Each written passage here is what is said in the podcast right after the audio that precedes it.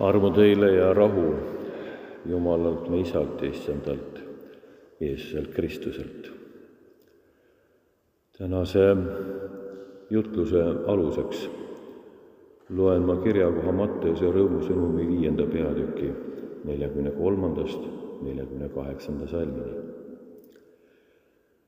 Te olete kuulnud, et on öeldud, armasta oma ligimest ja vihka oma vaenlast aga mina ütlen teile, armastage oma vaenlasi ja palvetage nende eest, kes teid taga kiusavad. et te saaksite oma taevase isa lasteks. tema laseb ju oma päikest tõusta kurjade ja heade üle ning vihma sadada õigete ja ülekohtuste peale. sest kui te armastate neid, kes teid armastavad, mis palka te saate?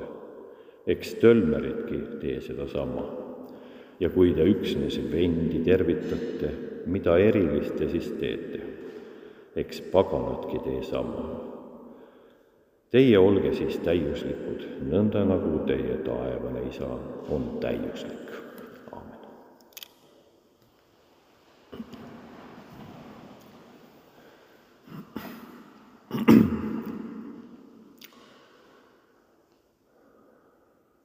üks ähm, kristlikust kodust väike tüdruk palvetas iga päev Jumala poole, et äh, ta saaks sinised silmad.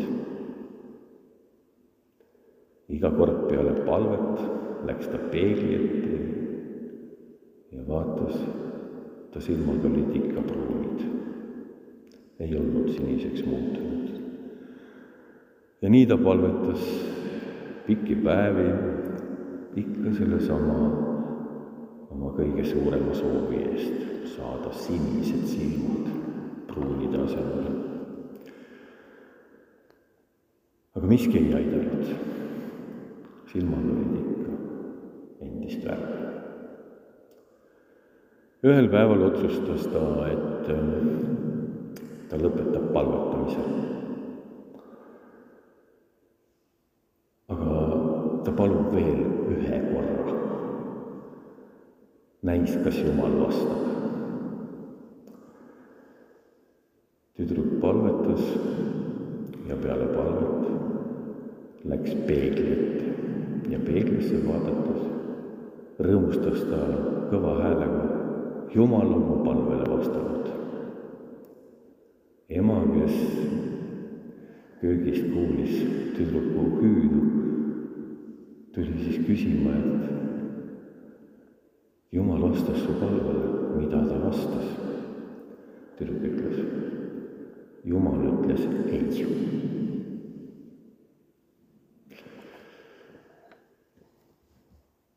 Jumal ütles ei ja see oli rõõmustav palve vastus.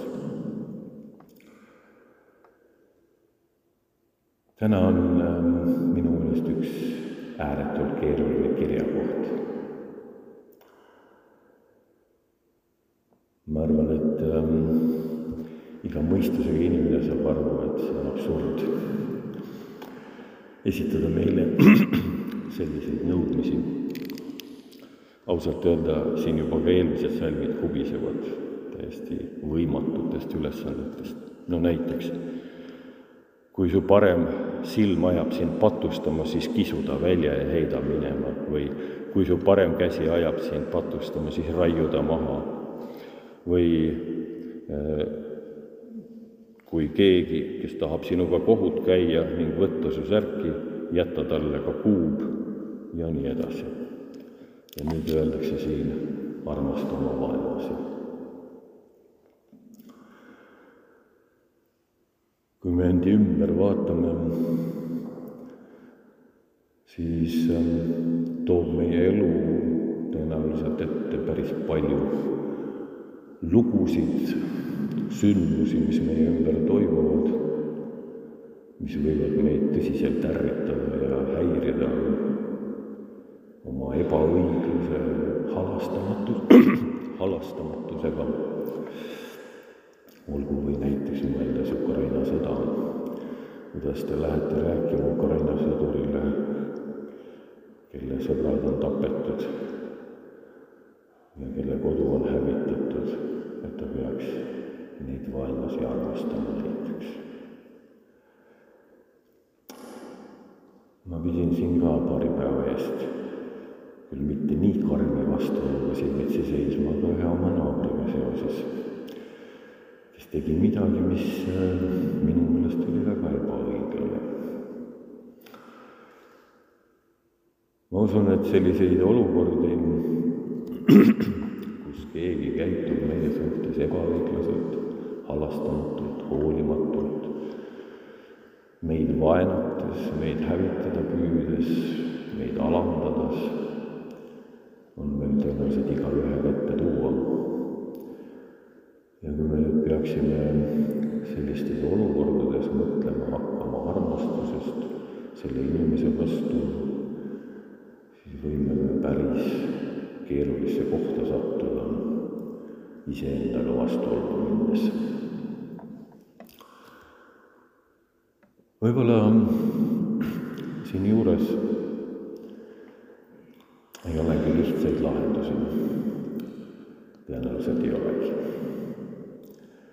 see, millest Jeesus räägib ka selle tekstilõigu lõpus, ütleb, olge siis täiuslikud, nagu teie isa on täiuslik.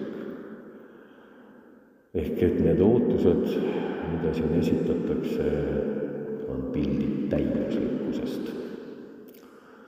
Ja see on selge, et meie keegi inimestena ei küündi täiuslikkuseni, sellega me ilmselt peame leppima. aga mis siis ikkagi võiks olla selle loo juures oluline, mida siin siis täna mõelda?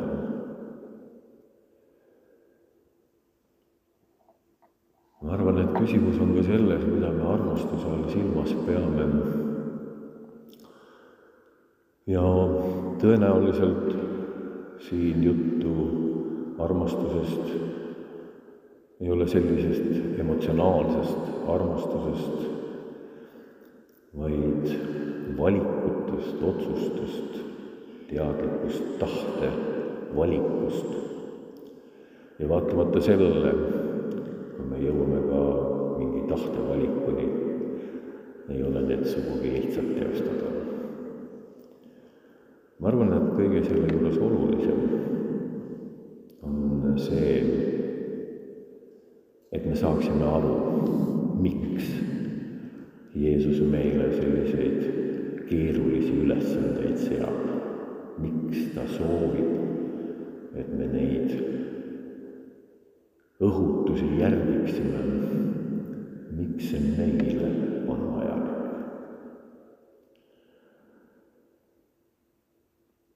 kui me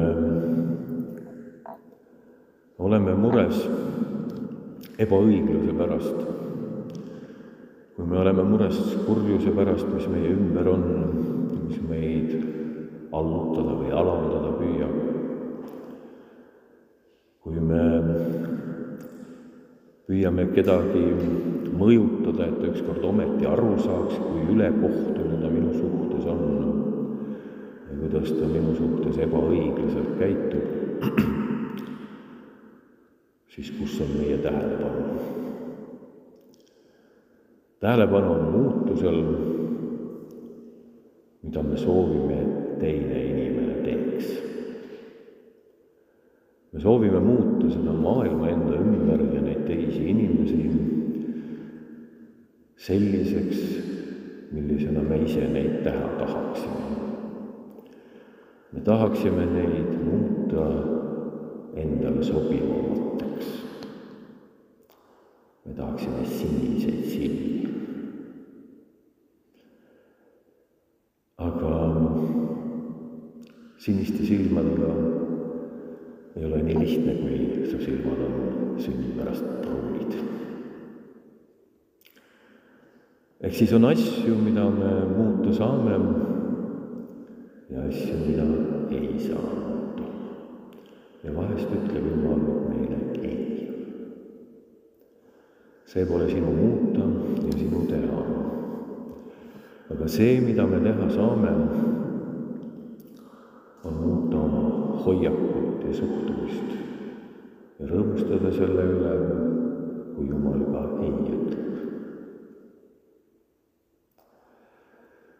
kui ma tõin siin oma teema naabrimehega, siis ma arvan, et mul läks päris paar tundi peale seda, kui ma olin aru saanud, mis juhtunud oli. et äh, häälestada ümber sellele, millega ma tegelikult tegelema pidin. ehk et äh, tuua ennast tagasi iseenda elu juurde ja mitte mõtelda sellest, mis juhtunud oli ja mitte mõelda sellest, kuidas talle selgeks teha, kuidas tema peaks oma käitumist muutma. ma pidin tegema ühe pikema jalutusringi, et panna maha see ja lasta lahti sellest, mis mulle ülekohtune tundus. ja lasta lahti soovist muuta seda inimest ehk see ei ole lihtne sugugi, kui me saame aru, et milline otsus meil tegelikult olla võiks. kui me saame aru, et see muutus, mida mina vajan, ei ole mitte teise inimese muutumine ega olukorra, mis juba on olnud, tühistamine või mineviku ennistamine, pigem see pole sageli üldse võimalik mis on juhtunud, see on juhtunud. küsimus on, kuidas ma siit edasi liigun. kas edasi liikudes olen ma ikka selles juhtunus kinni ja püüan minevikku muuta või olnud või sellele kuidagi kompensatsiooni otsida. Või ma lähenen loovalt olukorrale ja püüan leida lahendusi, mis mulle paremini sobivad. Muidugi ei tähenda see seda, et kui me armastame, siis me peaksime kõigega leppima ja igasugust vägivalda või ülekohut iseenda suhtes või alandust taluma. aeg-ajalt juhtub nii, et inimesed äh, tõmbavad armastuse ja lömitamise vahele võrdusmärgi. ma usun, et Jeesus ei kutsu meid üles lömitama kellegi ees ja laskma endast üle sõita selge on see, et ühel hetkel tuleb meil panna ka piire ja öelda, kust maalt edasi. ma ei ole nõus, et minu peale astutakse. aga küsimus on, kuidas me seda teeme. kas kaitstes ennast või rünnates vastu või üritades teist ümber muuta tähelepanu on kas temal või minul endal. Ja ma usun, et selle loo puhul, millest me täna siin lugesime, võiks olla meile sõnum, sõnum just sellest, kuhu tähelepanu suunata. kas teisele ümbrusele ja püüda seal midagi korda seada või toimetada või lasta seda Jumalal teha ja pöörata tähelepanu iseendale. ja just nimelt sellele, mis aitab minul taas rõõmu tagasi saada, selle pettumuse, kibeduse, rahulolematuse, ärrituse või viha kõrval. püüda leida seda, mis mulle tasakaalu toob nõnda siis võime olla ka rõõmsad pruunide silmade üle, nagu meile on antud. ja tänada Jumalat, et ta ütleb aeg-ajalt ei. aamen.